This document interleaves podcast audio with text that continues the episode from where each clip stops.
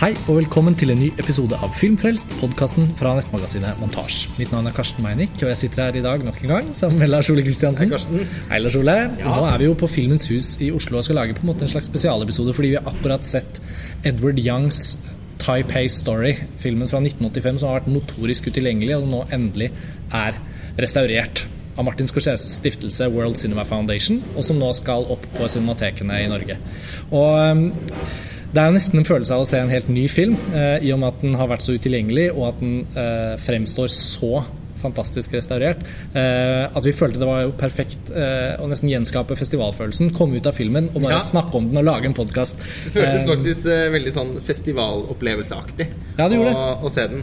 Eh, hva for slags eh, film er dette, da? Altså, Hvor skal man begynne? Vi har jo Vi litt nesten- kjennskap til Edvard Young fra før av. Vi har Ja. sett de to mest kjente filmene hans, Yi eh, og et, en, en veldig sånn nydelig familiekrøniken, nærmest. Mm, Det ble også hans siste film. Han døde bare noen år etterpå. Ja. På en måte Hans Fanny Alexander, Mm. si. Eh, og A Brighter Summer's Day, som eh, jo også som vi så på Cinemateket for noen år siden. Mm. Eh, og som også var utilgjengelig i mange år, Mm. med mindre man så den på bootlegs osv. Eh, men som nå er utgitt på Criterion osv., som er en ganske sånn eh, Men en episk anlagt Episk anlagt coming of age-film. Mm. Uh, Vi må kanskje si litt om taiwanesisk film også, fordi Edward Young sammen med sin nære kollega Hu Xiaoxian var jo de to store regissørene på det som ble en bølge av eh, ny spennende taiwanesisk film, særlig på 80-tallet. Uh, og denne filmen er fra 1985, som utspiller seg jo egentlig da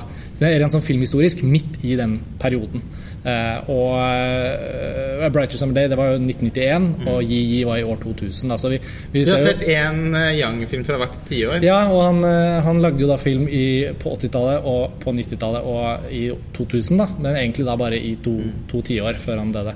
Mens hun er jo fortsatt aktiv. Han var jo med sin siste film 'The Assassin' på norske kinoer og fikk et, eh, et, slags, eh, et slags comeback, i hvert fall i den generelle eh, bevisstheten til cineaster, sånn som fra vår generasjon. Da. Eh, og, og Ho Xiaoxian er jo da en filmskaper som har en større filmografi totalt sett enn Edward Young. Sikkert av flere årsaker, men, Men som, også, eh, men, men som også for de fleste er utilgjengelig. Da. Det er jo bare et fåtall av hos filmer som har vært eh, tilgjengelig på DVD, enda færre på Blu-ray. Vi tok jo turen til London og fikk med oss et veldig eksklusivt OL. altså Det har vært i flere byer enn London også, men eh, likevel eh, føltes det som en sjelden mulighet da, til å få sett så å si alle hos eh, filmer på 35 mm. Eh, og da fikk vi jo De filmene som vi ikke har tilgang på ellers, var jo de vi prioriterte. Og de var jo hovedsakelig fra 80-tallet, sånn som er 'City of Sadness' og 'Daughter of the Nile'. Eh, Sistnevnte er vel den som kanskje påminnet meg mest om filmen som vi har sett i dag. ja, Taipei Story eh, har jo også påfallende nok Hu Xiaoxian i en av de to hovedrollene. Så man ser jo også en, Og, har han skrevet, og så har han skrevet manus. Han har skrevet manus, så det er jo på en måte like mye, altså det like mye på en måte en interessant samtale rundt samspillet mellom de to filmskaperne, da, Edward Young og Hu Xiaoxian, i en periode eh, i taiwanesisk film som har i ettertiden vist seg å være kanskje den aller viktigste perioden for det landet. Og så kommer jo San Ming Liang og Ang Lee også, som er i Mer på eh, 90-tallet igjen. Ja, altså etterslepet Ja, ja. av eh, denne gullalderen. Så Det setter jo rammene litt for hvordan vi gikk denne filmen i møte, men det morsomme var jo at vi sa rett før vi gikk inn at vi har jo på en måte nesten ikke heller hatt en følelse av at man kan gjøre seg helt kjent med plott eller hva slags film dette var eller har vært, fordi den har vært så lite tilgjengelig. Og det ble jo litt et poeng da også å ikke sette seg for mye inn i den, og rett og slett se den, som vi sa innledningsvis, som en slags festivalfilm. Yes. Eh, så Taipei Story den utspiller seg jo i Taipei, og det er en kontemporær film fra midten av 80-tallet.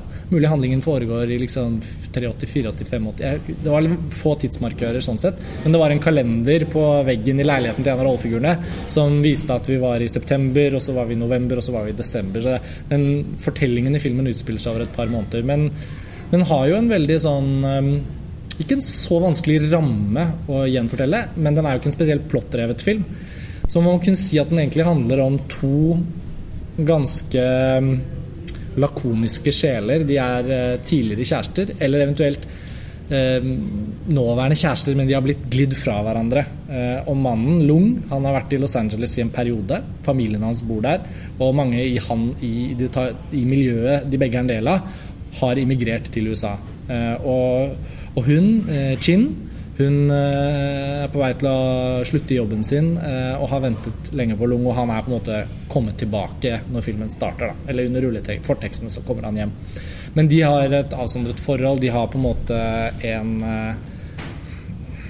ja, elsker elskerinne er kanskje feil, men de har på en måte en, en, et forhold på si på hver sin kant, men de har åpenbart problemer med å snakke med hverandre. Eh, og, og, og, om det er fra liksom Antonionis filmer eller Linklater, eller bare det å se to mennesker som i utgangspunktet er i et forhold, men som kanskje ikke helt klarer å snakke med hverandre, og som beveger seg i bylandskap, og mm. familiemedlemmer og venner som Stirrer mye ut av vinduer med ryggen til kamera. Nettopp. Og familiemedlemmer eller venner som glir inn og ut av ikke en handling nødvendigvis, men på en måte deres liv. da. De, de, det er noen som har noen pengeproblemer, man må låne litt penger, man møter gamle venner som har det tøffere enn en selv. Men no, sånn som eh, Fordi først, ja, sånn som, sånn som Ho Xiaoxiens uh, mannlige hovedperson her, Lung, han møter bare det veldig sånn vakker liten Ikke engang et subplott, men en liten bihistorie, da, hvor han møter en gammel venn fra ungdommen og barndommen som han har spilt baseball sammen med. Og, og, han ser at det har gått skikkelig ille for han. Og han er gift med en dame som gambler, og han har tre små barn og kjører taxi hele døgnet. Og det får liksom ikke en stor innvirkning, men det er veldig mange sånne små elementer, små bihistorier, som er med å fargelegge den sentrale kjernefortellingen, som egentlig bare handler om en relasjon som er i et slags oppbrudd, da, kan man si. Og man Altså, filmen tar jo veldig opp i seg eh, tiden som den er laget i. Fordi Eh, forskjellene i samfunnet har begynt å bli større. Vi er jo på en måte i jappetidens fødsel, på en eller annen måte. Mm. Eh, og den var jo ganske spesiell i Øst-Asia. Uh, vi ser jo i filmen hvordan de hvordan man hele tiden drømmer om Vesten. Altså vestliggjøringen av uh, Taiwan mm. har kommet veldig langt. Mm. Um, og man ser hvordan rollefigurene hele tiden ser mot USA og Japan på hver sin side mm. som drømmeverdener. Og man merker at selv om de fleste av rollefigurene først og fremst ser veldig ulykkelige ut og eh, rotløst vandrer eh, leter på, etter betydning i sine egne liv uten at de helt klarer å finne det, så er det likevel et sånn Får man inntrykk av at de også er på jakt etter en eller annen slags status, eller at de skal hevde seg. Det er, det er mye snakk om leiligheter, arbeidsplasser, kontorlandskaper. Mm. Eh, vi har liksom havnet midt oppi eh, Ja, altså det, det er også, Filmen er også i veldig stor grad et portrett av Taipei. Altså et mm. byportrett. Mm, det er ikke tilfeldig at den heter Taipei Story. Nei. og det er Virkelig vakkert skildret. Da. Altså Den blir kjelt med på samme måte som ofte Tokyo blir. Mm, mm. Og, det er ikke ett neonskilt som går upåaktet hen eh, foran Edvard Youngs kamera. Til vår store glede, selvfølgelig, for det er jo en estetikk som, som man uh, ikke har hatt så mye av her i Norge. Da. Uh, jeg synes jo på en måte at Jeg lurer noen ganger på hvorfor syns man det er så utrolig fett bare et neonskilt sniker seg inn i et filmbilde. Men det er noe med det. Om det er fra det er filmer Blade Runner ble så populær. Blade Runner selvfølgelig, men også filmer som utspiller seg i Hongkong. Det er en altså, kultfilm, den var litt så populær. Uh, Wong Kar-wais-filmer etc. etc. Men ja. det er jo men det, er, det må ja, men sies jo sånn, altså, Filmer fra Hongkong og, fra, og som utspiller seg i Japan. I hele tatt i metropolen i Øst-Asia har jo denne estetiske appellen for eh, veldig mange. som så også denne filmen. Og eh, det er jo også fascinerende hvordan, disse, hvordan de østasiatiske metropolene alle ligner hverandre på en eller annen måte. Det var mm. som om de bare steg opp av bakken i etterkrigstiden og steg høyere og høyere utover på 60-, 70-, 80-tallet. Nådde på en eller annen måte en slags eh, en slags topp på 80-tallet. Altså, fortsatt ser jo disse byene ut I hvert fall noen av dem, Tokyo f.eks., litt ut som et sånn møtepunkt mellom Altså 80-tallet møter fremtiden.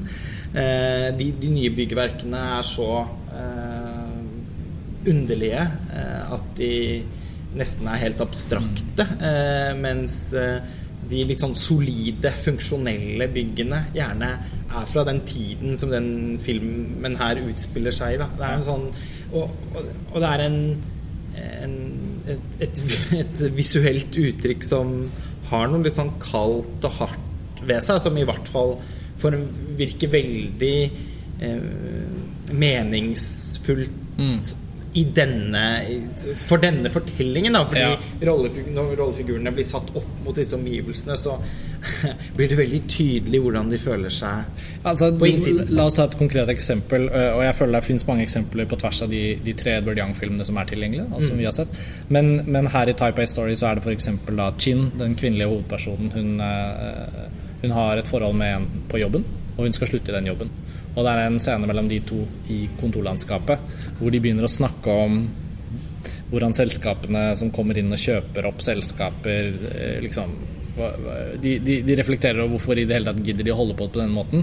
Og så klippes det til et stort totalbilde inni dette kontorbygget, hvor man får se på en måte Det er veldig mange horisontale linjer med forskjellige etasjer, men det er også en åpen løsning. sånn at Det er sånn, det er åpenbart der hvor det liksom er en form for sånn indre piazza i bygningen. Da, og så ser man disse forskjellige etasjene, og så hører man rollefigurene veldig tett på. Men man lurer liksom litt på hvor de er. Så leter man i det store bildet, og så kommer de gående inn fra venstre. Og eh, Edward Young Jeg føler ikke at jeg overtolker det hvis man sier at ok, i den store eh, eh, betongformede, rettlinjede eh, selskapstilværelsen, da, kontorbyggets iskalde arkitektur, der er det to små mennesker som forsøker å bevege seg, men som egentlig bare er maur i det store bildet. skulderputer. Ja, ikke sant? Og jeg, og jeg føler jo at ser veldig ut som et sånt kontorlandskap som John Woo ville skutt i filler i en av sine Nettopp. filmer. nettopp eh, Og det føles ut som den akutte kontrasten til noe Apichatpong Kul ville funnet på i, i sine filmer i Thailand, hvor det bare er jungel, og bare er sirisser, og bare er natur. Og her er det på en måte det, det akutt motsatte, da. Selv om det selvfølgelig det ikke helt tilfeldig da, at du nevner Apichatpong, fordi det er jo en eh, Det er jo noe dvelende ved eh, Edvard Young sine filmer. Eh, Ikke i så stor grad gi, eh, som Nei, det er jo måte- på mange måter mesterverket hans også, hvor han klarer å kombinere Ja, fall veldig mange av de, av de vi har sett, selvfølgelig. Eh, Jeg har hørt gode ord om, om The Terrorizers, som kom i året etter Type A Story, i 1986. Også fryktelig vanskelig å få tak i. Altså, det er sånn der, ty- type sånn du hører om at noen en gang tok en sånn eh, TV-boksopptak av en analog TV-sending av The Terrorizers en gang en gang et sted, og den ble divexet av noen, og den fins et sted, men det er på en måte sånn På et eller annet tidspunkt så må man stoppe opp og si ja, kanskje det er like greit å vente til det gjøres en god restaurering. Det vil jeg tro, fordi han er utpreget visuell filmskaper. Dette er jo da blant Edward Young-fantastene, da. ja, fordi, men altså denne Ja, det, det blir så, man, man klarer jo ikke helt å bli ordentlig kjent med en filmskaper etter bare å ha sett tre filmer når man vet at han i hvert fall har laget såpass mange flere. Men eh, hvor mange laget han i alt igjen? Jeg tror det er syv eller åtte spillefilmer. Ja. Jeg har det ikke helt sånn Men han lagde to filmer før Type A Story, og så Terrorizers. Og så, og så var Bright Summer Day var 91, og så lagde han to andre filmer på 90-tallet. Så det er vel syv eller åtte. Mm. Men Hu Xiaoqian, som, som jo laget sine filmer parallelt med Yang, og som her spiller en av hovedrollene og har skrevet manuset, han er jo også med på å danne det helhetsinntrykket som gjør at jeg føler det er lett å, å se hva som foregår i Yangs filmografi, på tross av at man bare har kunnet ja, se tre er en, det er en, eh, en eh, han, han er tålmodig eh, her også på en måte med rollefigurene. Mm. Det er ganske eh, For min del så bikket det også over i, i en viss irritasjon. Ikke over filmen, men over dem og måten de oppførte seg på. Mm. Eh, og at man Altså Hadde denne filmen hatt en norsk tittel, så ville den på en måte het De ulykkelige. Ja, du- For de er så du- innmari ulykkelige. Ja, Du dro jo ordet inn tidlig i samtalen her, eh, og jeg syns det var en moderat beskrivelse. Jeg vil jo kunne føye til motløse, Nitrist. eh, nitriste. Nei, men og også altså- ganske sånn altså Den måten Jo, men, å men, være men på en litt irriterende og- Ja, måte for òg, den- fordi man tenker at dere trenger ikke å gjøre tilværelsen deres så mye mer ræva enn hva den i virkeligheten er. Bare fordi de er utrolig glad i Bent Hamers eggs. Eh, Så er ikke Eggs en film man nødvendigvis trenger å leve livet sitt etter, da. Nei, altså eh, Og man De er, har det jo veldig fint, da. De har det veldig fint. men eh, det, det Ble laget elleve år etter Type A Story òg, men uansett. det var, eh, Den kom så inn fra venstre med den referansen. Så Jeg vet jeg nesten ikke jeg det var veldig morsomt. Jeg leste nemlig et parti eh, av en helt annen årsak om Bent Hamers eggs i går. Og så Ja. plutselig så gikk jeg og tenkte på den i går og tenkte Den filmen er liksom Hvis den skulle poppe inn igjen i virkeligheten, så føler jeg liksom at tiden er inne nå. For nå har den vært under overflaten ganske lenge. da Det. Men det er jo eh, norsk er- filmhistorie. Eh, tilbake til Taiwan, så tenker jeg at vi, vi har å gjøre med også et, et eh, felles filmspråk. som er kanskje noe av det vi kommer inn på. Som ikke bare går på bildene og forteller rytmen, men rollefigurene. Og, og det, du, det, du, sier, er jo også at ja, man irriterer seg over, over hovedpersonene, og også ikke bare fordi de liksom ikke helt tar grep. Og vi ser jo, vi ser jo mønstre. Vi ser jo noe av det som forårsaker eh, deres eh, tristesse. Da. Det er ikke så vanskelig å se at hadde de bare snakket sammen, hadde de bare vist hverandre at de evner å lytte, så hadde mye vært løst. Men selvfølgelig så tror jeg også Edward Young er ute etter å portrettere nettopp et litt sånt større element her. Da. At det ikke egentlig bare går på de to, men at familiene deres, vennene deres Det, det er litt sånn påkrevde blikket mot Vesten. Mm. Eh, drømmen om noe annet. Eh, Chins lillesøster er jo kanskje den eneste i hele filmen som viser en viss livsglede. Og til og med hun drømmer jo om noe annet, fordi Nettopp. hun snakker om Harajuku og Shibuya i Tokyo. Og, og, og, hvor kult og moderne alt, og gøy. Alt er der. Ja. Sitat. Og det er en veldig vakker sekvens hvor storesøsteren har på en måte basically ikke så mange andre steder å gå enn å bare henge med lillesøsteren og vennene hennes og bli med på en sånn derre det er typ sånn en forlatt leilighet på toppen av et kontorbygg som de har liksom tagget ned og invadert med soveposene sine, og så blir hun med på en fest. Kanskje er det til og med bursdagen hennes. Altså, den må være en bursdagsfest. Ja, eh, fordi ja det kommer jo en bursdagskake der på et tidspunkt òg. Det, det, blir jo ikke mer bursdagsfest i sin estetikk. Og det mest Jeg har alltid følt at eh, barnebursdagen var på sitt mest sånn idiosynkratiske på 80-tallet. Så man får e- egentlig så ser det ut som en 80-talls barnebursdag. Utrolig vakker sekvens. Det vakreste bildet i hele filmen for meg var når de våknet opp dagen etterpå. Mm. Eh, du ser dette kakebordet eh, og med Pappkrus og, og fastfood som ikke er spist opp. Og, ja, sånn sånne, sånn. og sånne 80-talls bursdagsting ligger strødd utover. Og så har, um, har rollefigurene sovnet på gulvet ved siden av. Eh, og rett foran to kjempestore vinduer som, eh, som tar inn over seg tar Pipe ut. Fantastisk vakkert bilde. Ja, hele den sekvensen var jo egentlig sånt Det er når man er tålmodig med en film som sier ok, vent litt, jeg har kanskje ikke verdens raskeste fortellerrytme, men bli med på denne reisen, på en måte. Så må noen av de filmene på et eller annet tidspunkt levere sånne type sekvenser. Da. Og det gjorde jo Type A Story. Sakte, men sikkert så kom man til sånne punkt hvor det var sånn Nå er det nå er vi inne i en stemning her som egentlig har bygget opp over den siste halvtimen.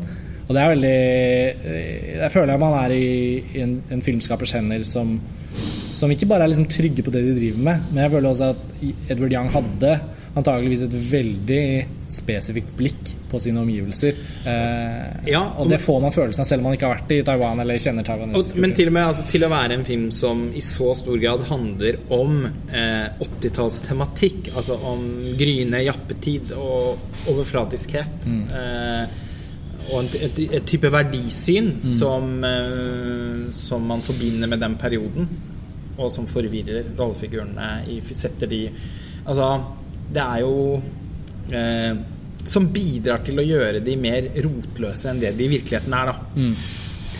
Så er det jo nesten fascinerende hvor få liksom sånne 80-tallsmarkører det er i filmen. Mm. Altså ganske dempet mm. til å være en film fra 85 veldig lenge. Og så, eh, men som du sier, eh, når man eh, Hvis man Man skulle jo nesten tro at Luca Guadagnino har sett Type A Story og ja. peker til det Edward Young gjorde den gang i sin film 'Call Me By Your Name', som vi nesten må nevne. Du hvisket den jo til meg etter den scenen i filmen, ja. men det er en fantastisk liten sånn Det er umulig å ikke altså, tenke på den, det er, faktisk. Det er både en sekvens på en pub hvor de spiller darts Ja, for punchlinen min var jo at ja. Men så kommer 80-tallet! ja, eh, men det gjør du i 'Call Me By Your Name' òg, når den først gjør det, så trykker den på alle knappene. Det er to scener. Det er først en hvor de spiller dart ja, og er ute og, og Med Edward Young sin cameo. Mm. Yes. Eh, og der har de klart å sikret seg 'Baby Be Mine' av Michael Jackson på, som, eh, på, på, lydsiden, og en Tina Turner-låt. Så her er vi veldig at vi snakker om Michael Jackson og sånn. Mm. Og så senere så er også med hun lillesøsteren, mm. eh, hvor eh, hun er ute på byen med sin gjeng og danser. Fantastisk sekvens. Mm. Eh, Storesøsteren sitter i sofaen og ser på de unge danse. Ja, og den minnet umiddelbart om eh, denne slags disko Landsbytorg-diskoscenen i Call Me Name. Med Campari og det hele. Ja. Her øl eh, i Taipei. Og så har man liksom Fordi Call By Name foregår vel da to eller tre år før. Eh, og der er det Flashdance som spilles fra høyttalerne. Mens her var det Footloose. Ja, det- Jeez Louise. Ja, det var sånn Jeg har noen ganger tenkt at eh, det har vært veldig gøy hvis et, eh, typ et, en filmklubb eller et cinematek eller noen prøvde å gjøre en sånn kronologisk tidsreise gjennom filmene. Altså sånn type sånn Hvis man skulle øh, vist ti filmer, da. En som foregår i 1980, en som foregår i 1981, en i 1983, en i 1984, en i 1985. Men kanskje fra forskjellige steder i verden. Men det måtte vært kontemporære filmer fra den gang, da. Som, eller måtte ikke vært det, men som Call Me By Your Name kunne kvalifisert, og så kunne ha Type A Story og sånn. Og så liksom reise gjennom f.eks. 80-tallet, da. Ved hjelp av bare filmene. Men da måtte det vært filmer som utspiller seg litt sånn i en kort tidsperiode, da. At Ja. ikke de strekker seg over så lang tid. Og her følte man jo på det, faktisk. Ikke bare pga. musikkbruken og, og sånt, men nettopp pga. det du sier. At det var en moderat eh, eh, Altså Grepene til Yang er moderate når det kommer til å markere 80-tallet. Og Og de var jo sikkert ikke så selvbevisste Nei, rundt det den gangen. selvfølgelig ikke, men, men- det er jo likevel mange altså 80-tallet var så barokt på så mange måter. Mm. Så det er jo for de som har problemer med det tiåret, som eh, det tiårets estetikk, Mm. Ja. estetikk, så er det jo ofte et problem med, med, ja, med filmer, f.eks. For eksempel, eh, da, fordi at de skriker sånn alt. Mm. Og jeg har alltid syntes det har vært utrolig flott. Så, men så, for min del kunne det gjerne vært eh, mer Men er det Altså, hvis vi tenker på eh, den måten å gjøre det på som, som Edward Young gjør det her, da. Altså at Han har jo på en måte bare lagd en film i Taipei i 1985. Ha, så ser man jo at han ikke er bevisst på det. Det er jo ikke sånn at han peker til markører, Fordi for han er det jo ikke markører, og for de rollefigurene så de beveger seg naturlig. Men det er gøy å se at f.eks. hovedpersonen kjører en bil som ikke er fra 80-tallet, men som er fra kanskje 60- eller 50-tallet. Så nostalgien som portretteres i miljøet i tidsepoken i Taipei i 1985, peker jo ikke bare på det faktiske 80-tallet de er i, men til en epoke lenger tilbake i tid. Og det ser man jo i 'Brighter Summer Day', da, som er periodefilmen til Edward Young. med Og han gutten som synger Elvis. nettopp, ikke sant? Og da ser man jo at Edward Young selv har en nostalgi som selvfølgelig ikke går til det tiåret han står og går i, når han lager den filmen, men som peker til en annen tidsperiode. da.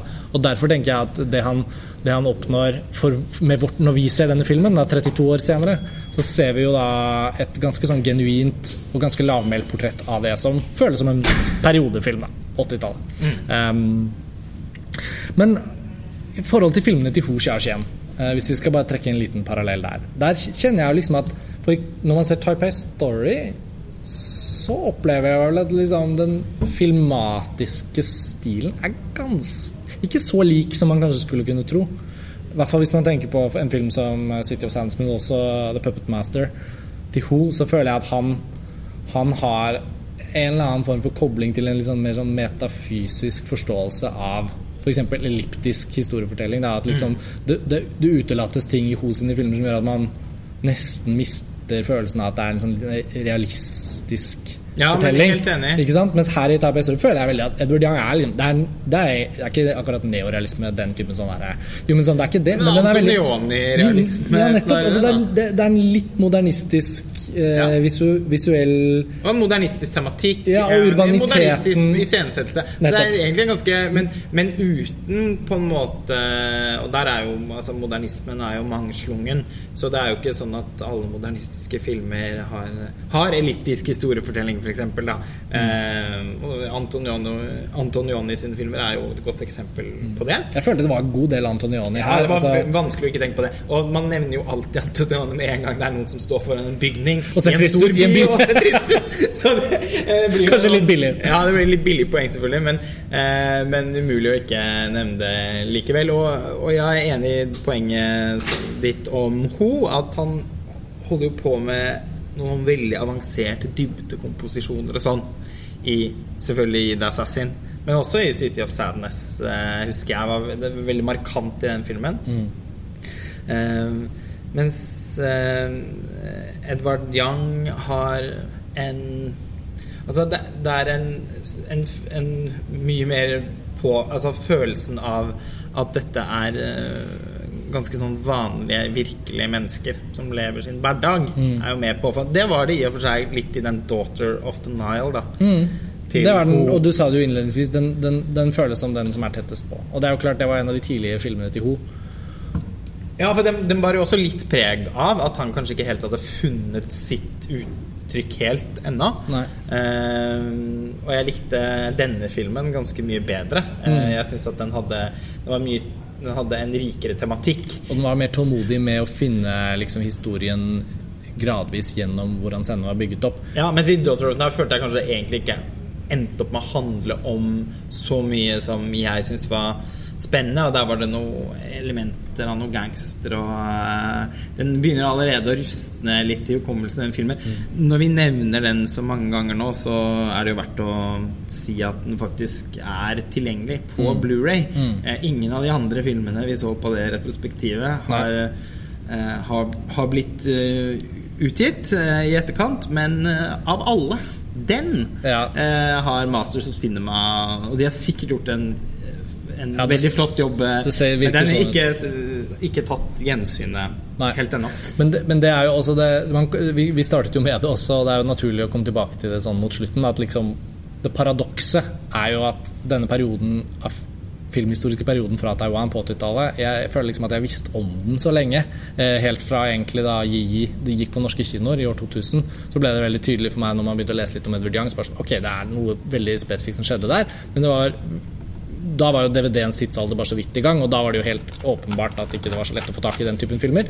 Men selv nå som det fysiske formatets tidsalder nesten er på sin slutt, så er det jo fortsatt ikke eh, lett tilgjengelig. Og, og, men det fins noen lyspunkter, da. Eh, hvis man ønsker å se noen av de tidlige filmene til Ho, så er det utgitt en veldig sympatisk boks fra det belgiske cinemateket, som lar seg kjøpe på platekompaniet, faktisk. Eller fra det belgiske statlige cinematekets hjemmesider.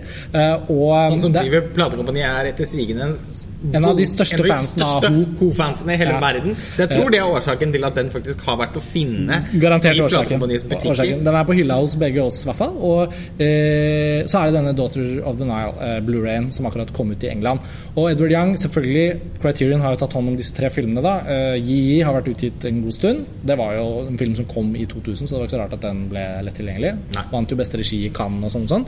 Eh, Brighter Summer Day kom jo for noen år siden. Og så har jo World Cinema Foundation til Scorsese betydd mye for dette. da, For nå har jo de restaurert Type I Story. Og dessverre har ikke Criterion gitt den ut alene på, på en disk for seg selv, men den er en del av en større boks. da, En ganske kostbar boks, men likevel. Så det fins. Så når man syr dette sammen, og hvis man har øye for denne ho-retrospektiven, da, som er som sånn omreisende orkester, føler jeg, som er sånn Hvor, hvor er det de spiller konsert i år? Visstnok. Eh, og jeg har lenge tenkt nå eh, at jeg har, hatt, lyst til å finne ut om den noen gang skulle finne sin vei til Skandinavia. Jeg kjenner at eh, den investeringen vi gjorde den høsten da, for noen år siden, med å dra til London og faktisk sette av en uke til å se de filmene, det var enormt verdifullt. Mm. Og, og de var såpass rikholdige at nå som det har gått to år, så kjenner jeg at jeg ville gjort det samme igjen hvis ikke det var for langt unna. da. Ja, Eh, det kjenner- og de altså, 35 kopiene og hele Særlig et par-tre av de er jo allerede veldig modne for uh, gjensyn. Ja. Nå ble det mye snakk om den 'Daughter of the Nile', som var den filmen jeg likte minst Ja. av, av de vi så. Men så, A City of Sadness var virkelig et eh, storverk. Jeg, eh, jeg lengter tilbake til å se den filmen fordi den var også så mettet, men også komplisert. Og det var en Ja, fantastisk, det var det var en fantastisk utfordring å se. Det var utfordrende. Eh, å se- så- så det, var, det var jo også en sånn film som man tenkte Oi, ja, det Ja. gjorde kjempeinntrykk, men jeg er nødt til å se den en gang til for Og- å få alle brikkene opp. hvis- Den også Den, den minnet jo i og for seg Altså Den hadde noen likhetstrekk med Yi i eh, måten den skildret eh, familie på. Skulle det være noe forvirring nå, så er det da altså Ho sine filmer vi snakket om nå. Eh, City of Sadness, mens Edward Young, det var Yi. Hvis noen i surre. Um, men Type A Story skal jo altså nå ut på cinematekene, og det er jo veldig veldig gledelig å se at akkurat denne filmen er valgt ut. Den ble presentert i sin nyrestaurerte kopi i Bologna, eh, hvor hvor filmen ble plukket øh, for visning i Norge. Så det er jo rett og slett en herlig anledning til å kunne gjøre en oppdagelse. Det var det for oss Ja, nå. altså, og- Vil man unngå å kjøpe denne overprisede boksen eh, som inneholder masse andre filmer som du kanskje ikke er fullt så interessert i å se, Nettopp, nettopp. så er det jo en spesielt god eh, Altså en anledning man virkelig ja, burde den gjorde seg veldig godt på det store lerretet. Det er en, en ny, en vakker, visuell veldig vakker film. eh, film. Altså, det, er, det var En ting var denne, denne ene kamerainnstillingen som jeg synes var så altså, Denne bildet Ja, som var så ja. fantastisk. Det så det var ganske, Nei, men det var ganske mange sånn Det er også en lang sekvens hvor de kjører gjennom Taipei på, Mm. På motorsykler. s- Kvelden, på motorsykler. kvelden, natten. Mm. Eh, hvor Og hvor liksom det gamle Kinas Mm. eh, estetikk virkelig får eh, Ja, altså som en, Er aller siste, som en aller siste ting, eh, før vi da sier at, eh, at samtalen er over, så må det jo må jo sies at eh, man får smaken på den, den ganske kompliserte historikken til Taiwan i en film som dette, og han gjør det utrolig subtilt. Men jeg tror hvis man bare har litt øye for hva som utspiller seg rundt rollefigurene, så merker man det jo. Og, det, og hvis man selvfølgelig bare leser litt om Taiwan, eh, som jeg har gjort tidligere, og, og, og 'Brighter Summer Day' er jo en veldig historisk film, så skjønner man at det kompliserte forholdet mellom separasjonen fra Kina og, hvordan Taiwan skulle stake ut sin egen kurs, og vestliggjøringen og, og se til Japan. Og det pågår jo fortsatt. Konflikten mellom Taiwan og Kina er jo fortsatt ikke løst. Og det er veldig sånn sammensatt virkelighet menneskene på Taiwan lever i. Og det at filmskapere som Yang og Ho øh, flettet dette uunngåelig nok da, inn i sine filmer og gjorde det så sofistikert, det gjør jo at man har jo også en veldig sånn rik inngangsport til å sette seg litt mer inn i taiwansk historie gjennom disse filmene. Og det er noen også veld, veldig, veldig subtile poenger. F.eks. eksempel at uh, han Hos rollefigur eh, når, når hun eh, Ja. eh, Kjæ, Kjæresten. altså kjæresten hans, som han er Chim. Chim, var det hun het. Ja. Ja, og de er jo i ferd med å drive fra hverandre uansett, da. Men idet hun oppdager at han har en VHS med, eh, opp, med, fra et opptak i Japan med japanske reklamer Og, og japansk baseball. ja, som altså sånn, Og som først ikke blir kommentert engang, men som vi da skal skjønne Å ja, de snakket japansk. Og, «Ja, det så, ja, det er- og det det er ikke det, ganske lett å høre forskjell på japansk og kinesisk eller mandarin, men, eh, men eh, som da egentlig er ganske sånn rystende, eh, fordi da, da tar hun han i ja, utroskap, selv om hun har jo også selv hatt en eh, Et forhold på si. Ja, så, men Tilliten er brutt på en måte i det øyeblikket, da, fra hennes ja. side. Det Det er er jo- sånn en ganske subtil måte å Avsløre det. avsløre det på. Men, Ja, og. Nastasja Kinski i en uh, Det var, jo, det var jo russisk dokkescene, det, da. Så ikke bare er det så subtilt hvordan hun skjønner at han har vært innom sin elskerinne i Tokyo på vei hjem fra Los Angeles. Klart Men han har også, mens han var i Tokyo, klart å prioritere sette på et opptak av en baseballkamp i Tokyo, fordi han var så glad i å se på baseballkamper. Han starter jo med det tidlig i filmen at han har med seg forskjellige VHS-er med baseballkamper fra USA, og blant dem har han da også rukket å ta opp en baseballkamp da han var i Tokyo. Viser det seg når den scenen endelig kommer. Og i det opptaket så har det vært reklamepauser, og i en av de reklamene fra Japan så ser du at det er Nastasja Kinski. Det, da, det er jo litt sånn lost in translation. Da. Er hun der for å gjøre en whiskyreklame? Hva var det? Ja, nei, det var uh... Det er veldig mye sånt i denne filmen. Uh, apropos det, da, bare for å snu det om til å bli et kompliment, så er det jo en veldig sånn rik ja, eh, veldig mange detaljer å kunne Hun ta går, gjennom gamle, nærmere. hun går gjennom noen gamle brev. Der ligger det en sånn taiwanesisk sånn filmbrosjyre om en sånn Alain Delon og Romy Schneider-film. Det blas forbi på eh, Det er noen sånne plakater fra en sånn jazzfestival her og der. Det er noe sånt. Så det er uh, sånn generelle, men også litt sånn Tidvis åpenbare, men også litt sånn underliggende vestliggjørende kultur slash liksom smaken deres. Hvordan de liksom omgir seg med objekter som tilhører annen kultur. Baseball, som selvfølgelig er en uramerikansk sport. Som er liksom innført i Ja, så det, det er en veldig rik film. Og vi anbefaler selvfølgelig alle å oppsøke den. Nå Selv om den ville hatt den norske tittelen 'De ulykkelige'. De ulykkelige av Edvard Young. Ok, det var det for denne gang. Vi er snart tilbake med nye episoder av Filmfrelst. Som vanlig, takk for at dere hører på, og ha det bra. Ha det.